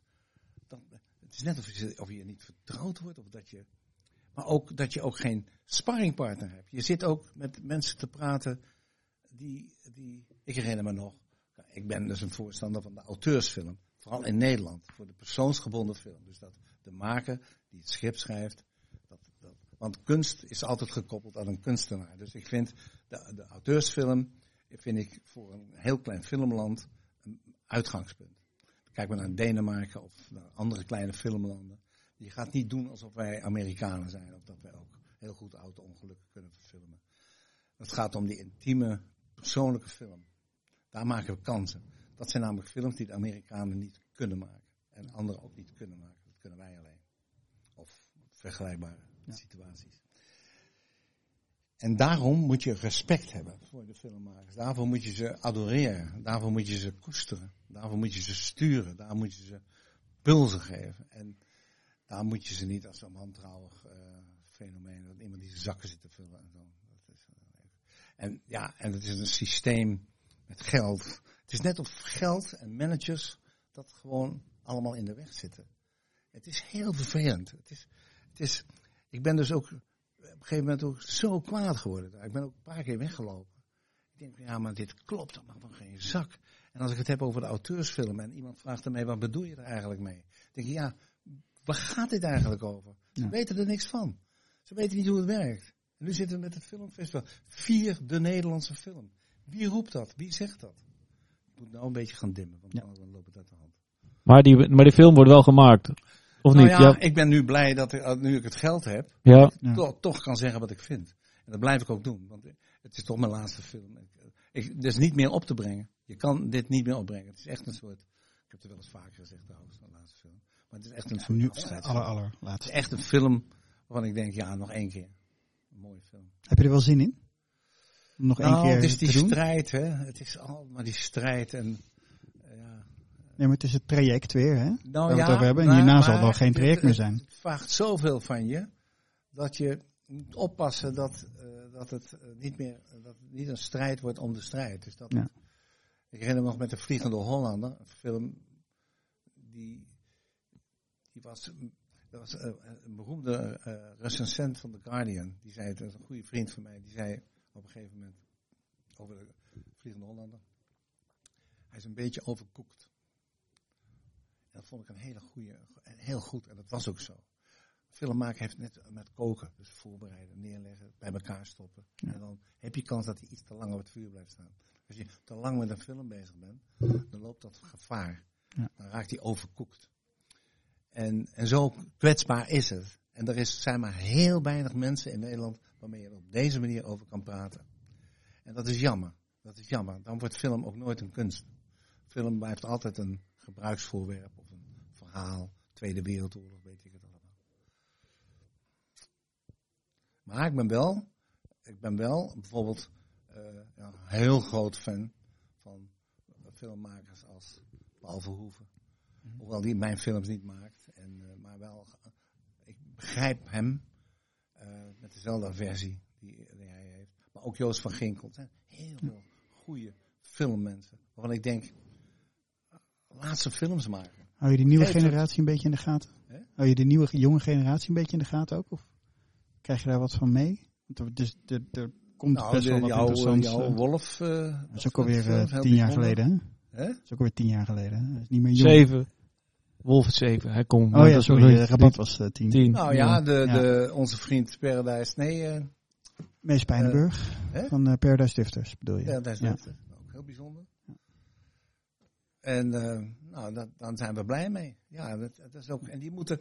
Natuurlijk is het ook zo dat succes ook niet. Je moet ook een beetje opletten. Want ik had altijd, als ik succes had, best wel gehad, dat ik dan daar een beetje van afdraaide. Want ik voelde, ik kan dat niet. Complimenten kon ik ook nooit, kon ik niet incasseren. En het is ook zo dat succes ook een vrij dodelijk fenomeen is. Want je moet ook vechten. Je moet ook knokken. En succes maak je ook wel een beetje lui soms. Dus uh, dan hoop ik maar dat het succes van, uh, van hem, weet je, uh, Mees, Mees, Mees Pijnenburg, ja. Dat, dat meestal gaat het ook zo dat die eerste film, grote film, een groot succes is, denk maar aan Zusje. Hè? Ja. En dan, wordt hij, dan, krijgt, dan krijgt hij helemaal geld en zo.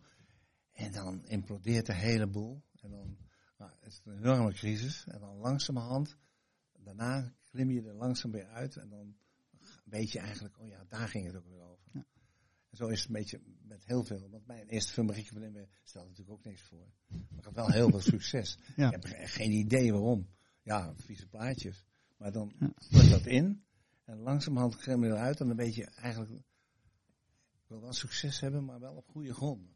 Ik hoef niet populair te zijn. Weet je wel? Want wat is voor jou dan belangrijker? Is het belangrijker dat je zelf trots bent op de film of dat je uh, recensies of heel veel publiek? Even het heel misschien suffer. Het is altijd een heel moeilijk fenomeen. En er zijn een paar. Ik heb ook wel eens geprobeerd. Uh, ik had al niet zo lang geleden een gesprek met uh, Beekman. ik heb ook wel eens geprobeerd om een recensie te schrijven. En toen heb ik ontdekt hoe moeilijk dat is. Ik denk, jezus, dat, hoe moet je dat nou doen? Want A, het is wel makkelijk als je een film helemaal niks vindt. Want dan heb je lekkere teksten. Ja, dat kun je. Het Nederlands leent zich daar uitstekend voor. Ja. We hebben weinig mooie woorden om iets te kunnen adoreren. Er zijn ook, de, er zijn ook heel veel recensenten die ik heel leuk vind, omdat ze kunnen adoreren. Maar voor de rest is het ook net zoals, het is ook natuurlijk een heel raar beroep. Het is een beetje cijfers uitdelen en arrogantie. Ik denk, jongen, hou, wees voorzichtig, want wie ben jij dan? En doe, als ze stoppen met schrijven, bestaan ze ook niet meer, weet je wel. En wij, wij moeten dat allemaal, het is zo ingewikkeld om een mooie film te maken. En ik moet je eerlijk zeggen, ik ben zo blij. Dat heb ik niet altijd gehad hoor. Ik ben zo blij als ik een goede Nederlandse film zie. Ik, ben, ik vind het zo'n ramp als een film mislukt is. Echt een ramp voor die, voor die mensen die dan die recensies lezen en denken, oh god, hoe, hoe ziet zo'n dag, hoe ziet dat huwelijk eruit? Hoe ziet die, hoe ziet die man eruit? Want bij een boek, ja, dan ga je een nieuw boek schrijven, maar film is soms twee, drie jaar met heel veel persoonlijke investeringen. En dan krijg je een pak op je sodemieter en dan denk je, ja, dat is... En dan denk ik, hou je mond, joh. Ga het voor jezelf doen. Ga iets leuks doen.